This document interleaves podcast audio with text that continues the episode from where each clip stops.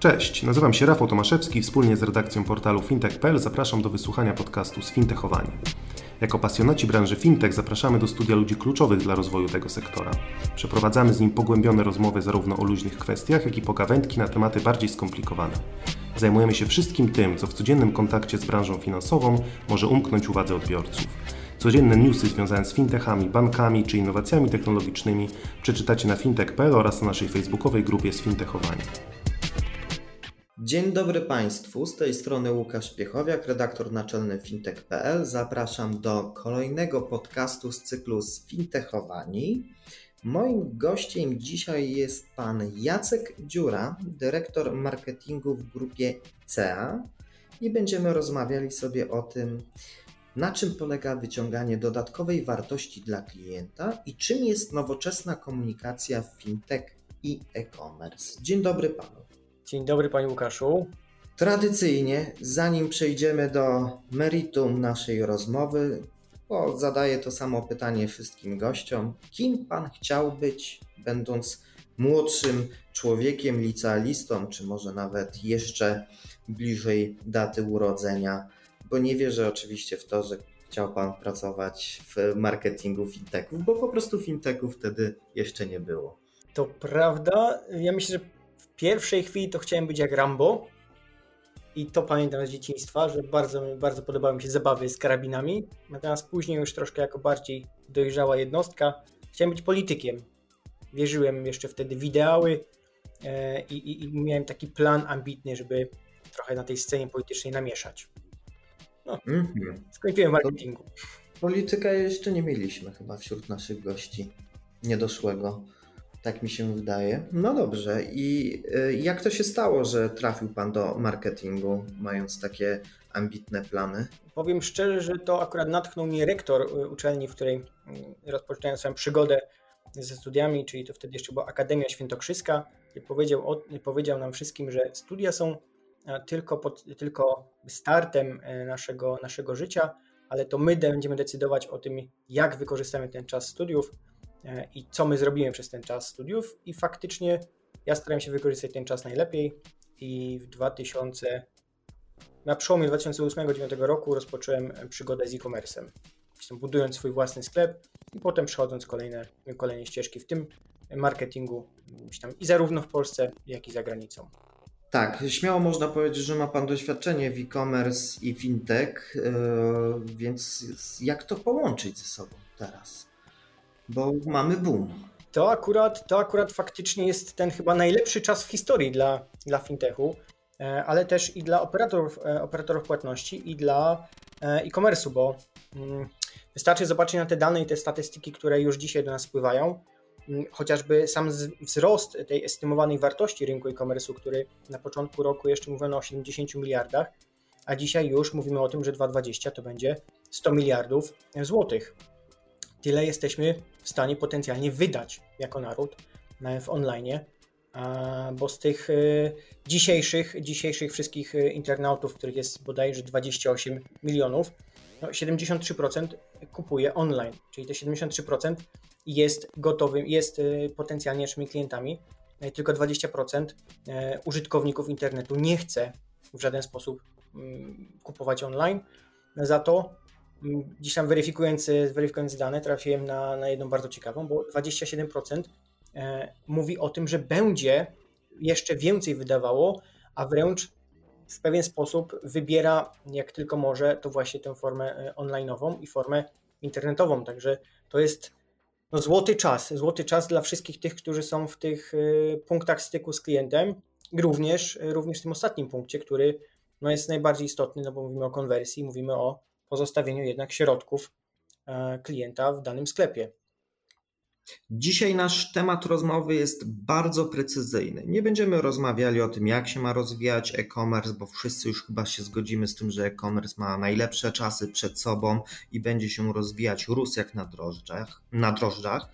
W zasadzie też nie będziemy za dużo mówić o tym, że infrastruktura fintech napędza e-commerce, bo to jest teraz już chyba e, oczywistość. Mamy odroczone płatności, mamy ogólnie płatności, klienci mają bardzo szeroki wybór e, różnych metod, którymi mogą zapłacić. Niektóre są bardziej popularne, niektóre mniej. Tutaj stawiam kropkę, bo to naprawdę nie jest dzisiaj tematem naszej rozmowy.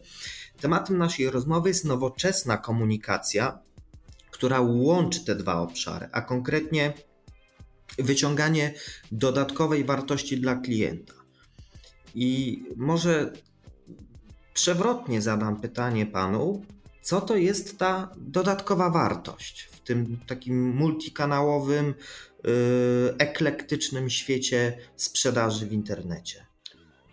Myślę, że ta dodatkowa wartość jest tym, czego bardzo duża ilość firm działających w branży fintech wciąż szuka i wciąż sama nie jest w stanie zdefiniować, co to jest, e, ponieważ nie myśli klientocentrycznie, nie myśli o kliencie w kontekście całej jego pewnego holistycznego doświadczenia, które ma doprowadzić finalnie do, do pozostawiania tych środków, czy też w ogóle do, do, do zbudowania, zbudowania jakiegoś szeroko pojętego e, experience, doświadczenia, powtórzę, e, z, z marką i też z, sklepem, tylko myśli w, tylko i wyłącznie w tych kategoriach finalnych, tylko tych końcowych.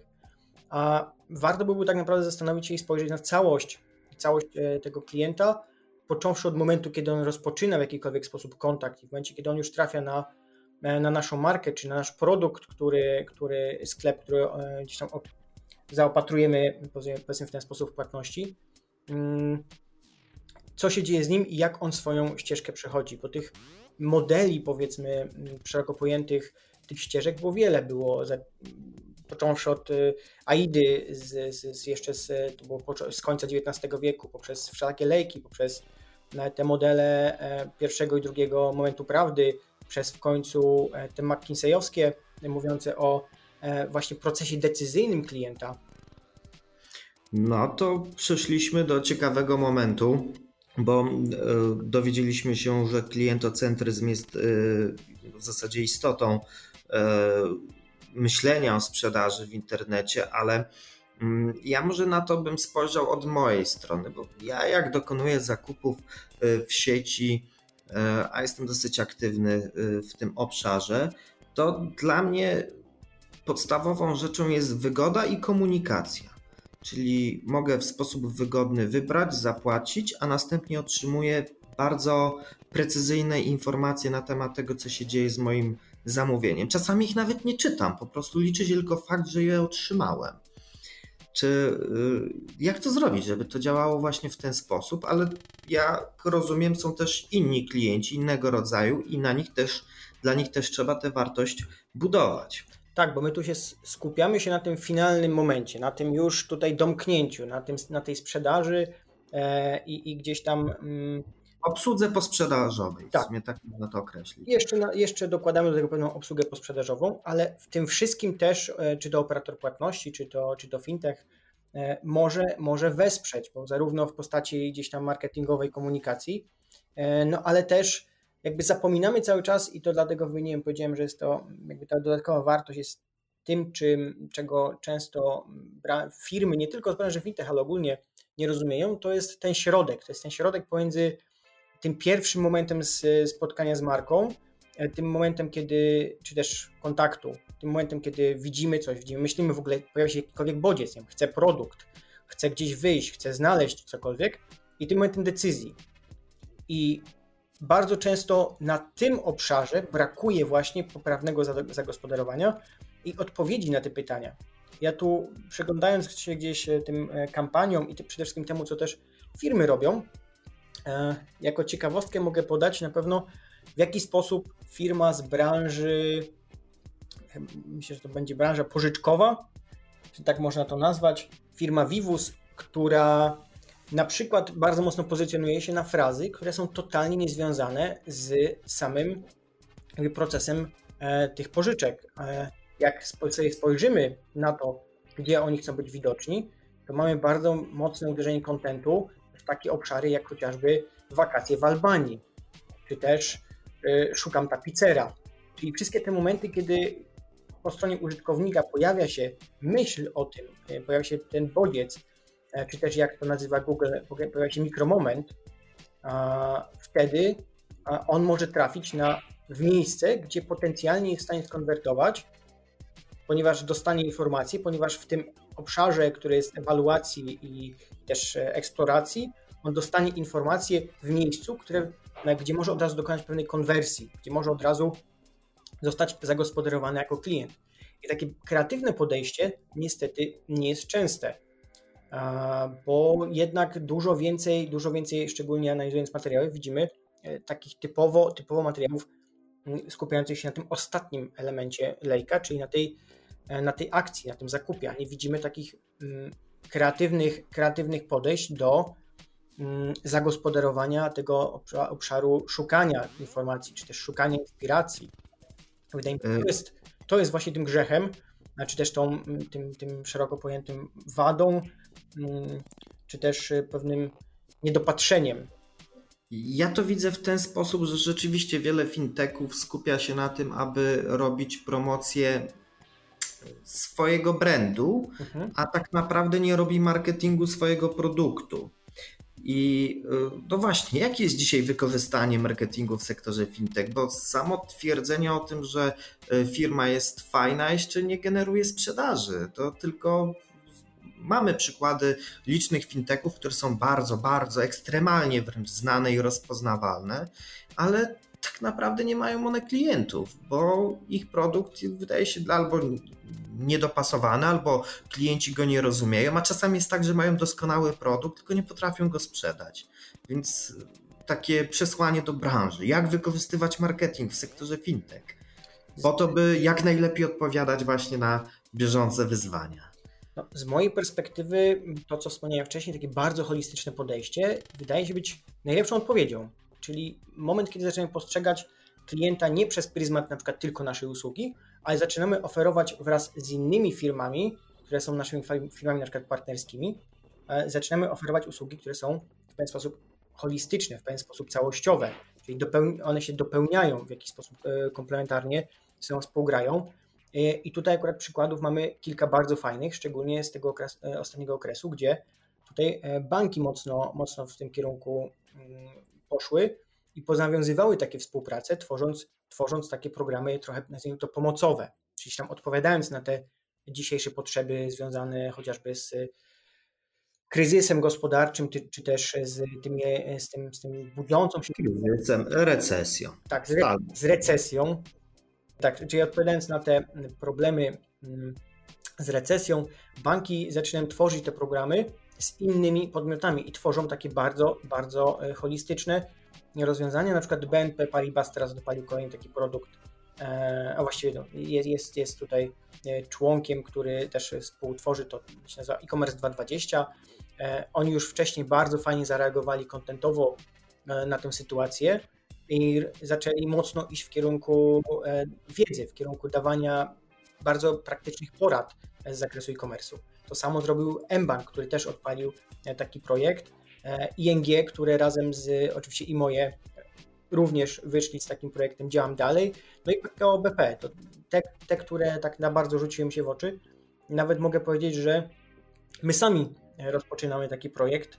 Mieliśmy go w zamrażarce przez pewien czas, ale my na przykład z Blue Media, jeden z operatorów, też będziemy, będziemy pomagali właśnie holistycznie e, podejść do, do tematu tej migracji do internetu, no bo jak pokazują liczby, no w nim dzisiaj trzeba być.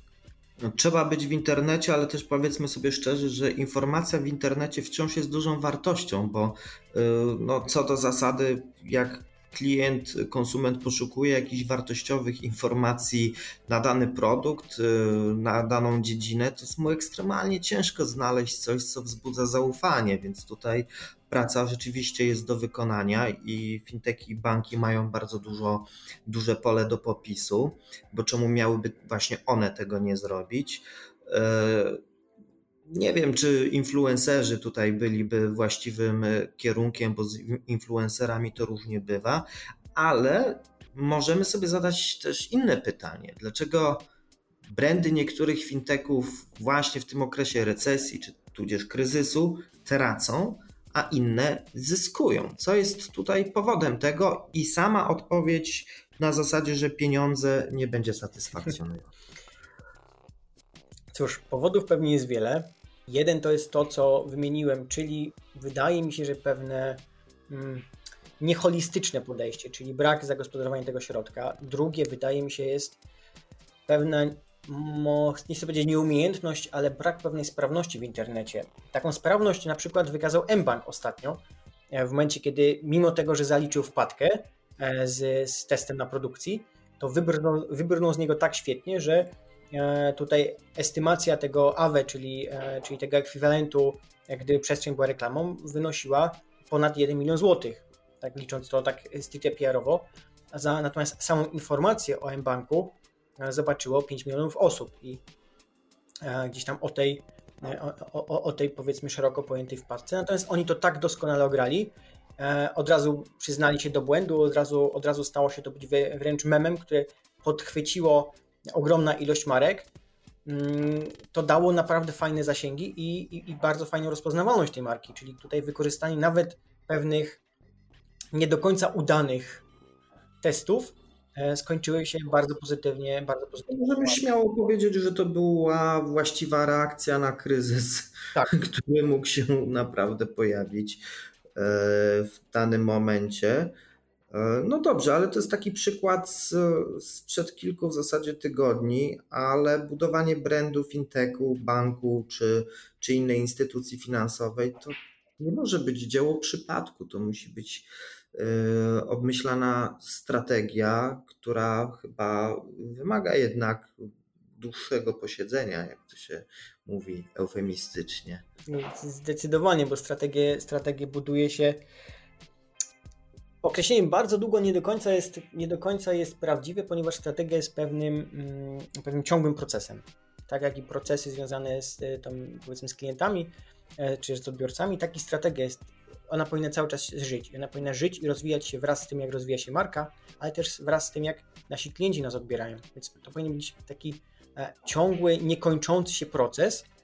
E, I to oczywiście w większości marek się zdarza, kiedy, kiedy widzimy, że każdym punkcie styku ta marka jest spójna, kiedy widzimy, że e, niezależnie w jaki kanał powiedzmy społecznościowy wejdziemy, czy też na stronę, e, czy też na Facebooka, czy też na Twittera danej marki, widzimy, że on jest spójny, e, widzimy, że są takie same komunikaty, widzimy, że gdzieś tam ten język komunikacji jest cały czas bardzo ze sobą zbliżony. Mm, to buduje pewne zaufanie. Mm, chociaż sam, sam z doświadczenia wiem i gdzieś niedawno nawet zaobserwowałem, że niektóre, niektóre bardzo duże marki potrafią mieć inny logotyp na swojej stronie, E, inny logotyp w social mediach e, i inny w materiałach. Więc e, pojawia się bardzo duża niespójność, gdzie sam, sam się zastanawiałem, jaki właściwie ta marka ma logotyp.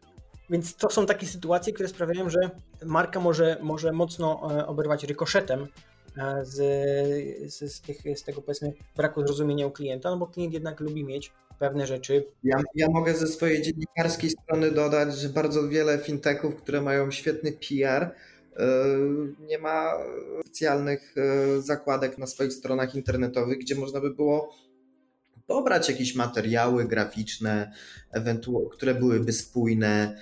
E, nie ma zdjęcia prezesa. No, to są takie podstawowe sprawy, które w sumie trzeba ogarnąć już na samym początku, a, a później się dziwią, że że w internecie ktoś pokazuje ich jakieś stare zdjęcie z Facebooka, bo skąd mają mieć? No dokładnie, no, sam się z tym spotkałem. I, i, i no jakby ja ze swojej strony, dla mnie to jest, to jest pewne utrudnienie. Gdybym miał zajmować się taką marką, no to pierwsze co bym zrobił, to bym uporządkował. Uporządkował punkty styku z klientem i uporządkował branding takiej marki, no bo w momencie, kiedy marka sama ze sobą jest niespójna, to często zachodzi, zachodzi e, pewna, pewne ryzyko, czy też mogą powiedzieć pewne obiekty, że ta sama marka nie wie, kim lub czym jest. I to jest taki problem, który no zdarza się niestety, zdarza się, zdarza się często dosyć w tej, w tej branży, ale nie tylko w tej, bo to wydaje mi się, że strategię i ten proces tworzenia, czyli też te elementy zrozumienia w ogóle do kogo mówimy i po co mówimy i gdzie chcemy mówić, to wciąż jeszcze jest trochę w powijakach. Nawet w bardzo dużych e, firmach, gdzie no, nie za bardzo był, wiadomo, gasi się pożary bieżące, robi się rzeczy na bieżąco, a, a, a czasami brakuje takiego spięcia tego. To prawda. Bardzo często mamy taką sytuację, że skupiamy się tak mocno na bieżącej pracy, że umykają nam cele strategiczne. I zaczynamy je wykonywać w sposób no, na 30% i umyka nam to, bo ta bieżąca codzienność, bieżączka w pracy powoduje, że, że tracimy kontakt z tym, co jest najważniejsze dla nas w, w dłuższym okresie. Ale co, na co jeszcze warto zwracać uwagę, to że finteki mm, mogą, finteki, firmy fintechowe mogą bardzo dużo zyskać, mając spójną, e, spójną markę i spójną strategię marketingową właśnie w internecie, wykorzystywać przy tym e-commerce bo chociaż wydaje nam się, że ta konkurencja na rynku jest duża, już niewiele, e, niewiele tego tortu nam zostało do podzielenia, to to jest błędne wrażenie, bo, bo jest tego jeszcze całe multum. Czego przykładem jest właśnie dynamiczny rozwój e-commerce, bo już się wydawało, że dochodzimy do jakiejś ściany, a tak. tutaj pandemia nam, no, ja ostatnio spotkałem się z takim stwierdzeniem, wręcz zbustowała rozwój tego wszystkiego. Ludzie, którzy nigdy nawet nie myśleli o tym, żeby mieć stronę internetową i założyć sklep internetowy, nagle zaczęli interesować się rozwiązaniami płatniczymi w internecie. To jest niesamowite. To jest o tyle ciekawe, że to dotknęło tak naprawdę chyba wszystkie poziomy, zarówno tych y, jednoosobowych firm poprzez mniejsze, mniejsze gospodarstwa, nawet rolne, e, duże firmy, które do tej pory nie potrzebowały, nagle wszyscy muszą być. Ja nawet z autopsji znam osobę, która również e, mając gospodarstwo rolne stwierdziła, że teraz robię stronę, będę, będę sprzedawał świeże e, owoce, świeże warzywa e, pobliskim, pobliskim mieszkańcom. I wszystkie takie, wszystkie takie miejsca, no one potrzebują, one potrzebują płatności, one potrzebują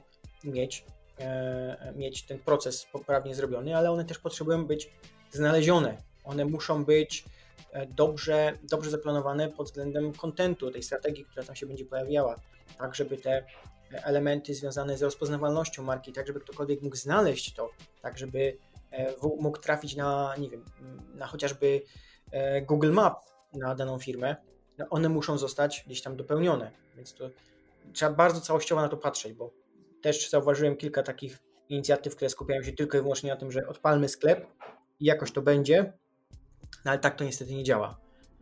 No, jeszcze można do tego dodać, że wbrew pozorom samodzielne wykonywanie tych wszystkich czynności to też jest męka dla osób, które y, nigdy nie czuły y, potrzeby bycia w internecie. Teraz muszą bardzo profesjonalnie przygotować się do tej obecności, bo internet jednak tego profesjonalizmu wymaga. No, nauczył nas tego Facebook, Google, e, nauczył nas tego też największe finteki, że zachowują się w sposób e, czy tam prezentują się w sposób bardzo profesjonalny. I teraz, żeby nie odchodzić standardem, my również taki standard e, musimy zachowywać się w sposób podobny, więc nie wystarczy zwykły formularz kontaktowy, który idzie donikąd, e, czy tam brzydka odpowiedź na maila, przyjąłem zgłoszenie, brzydka, no taka standardowa, przyjąłem zgłoszenie, czy rozwiązanie płatnicze, które wygląda rodem z lat 90., albo jest po prostu niewygodne, albo jest jednym z, jedną tylko z możliwości. I, I tutaj ci, e, ci wszyscy ludzie, którzy do tego e-commerce'u wchodzą i chcą korzystać z fintechów, to naprawdę y, muszą odrobić lekcję, która niektórym zajęła nawet kilkanaście lat. Tak, Jak mi pomóc? No ja tu polecam, polecam bardzo mocno raporty. Raporty Google'a. Nawet sam ostatnio analizowałem jeden, który odnosił się właśnie do tych e, ścieżek, e, ścieżek klientów.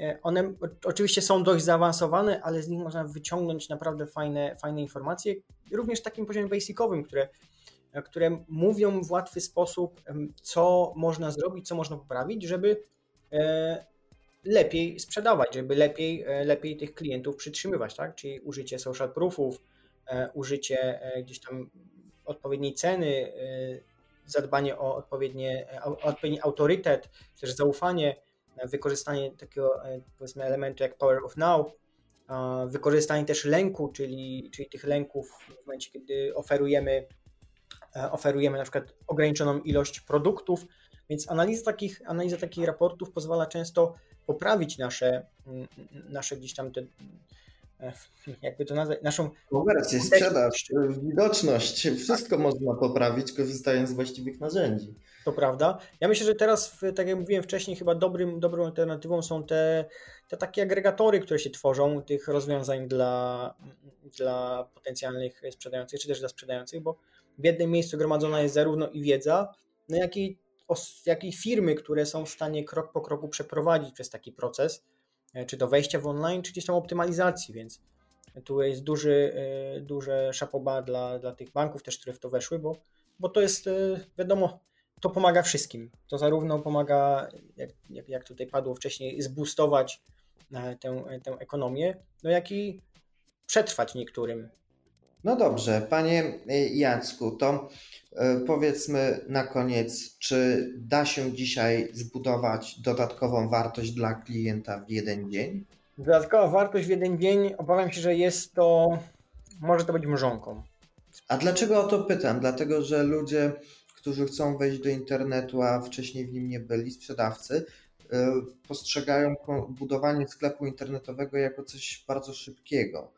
I, i teraz można ostudzić trochę zapał i powiedzieć, że to jeden dzień to za mało, ale kilka, kilka już na pewno wystarczy.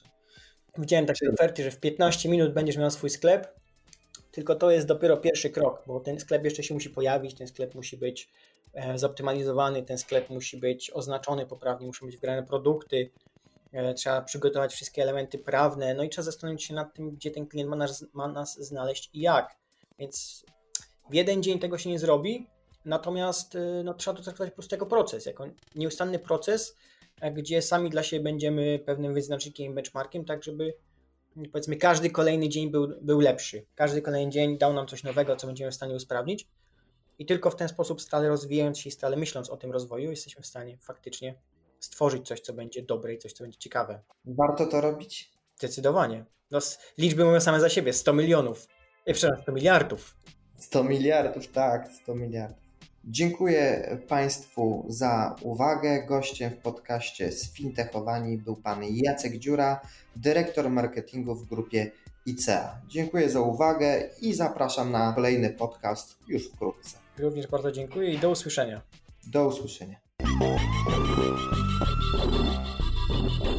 Thank you.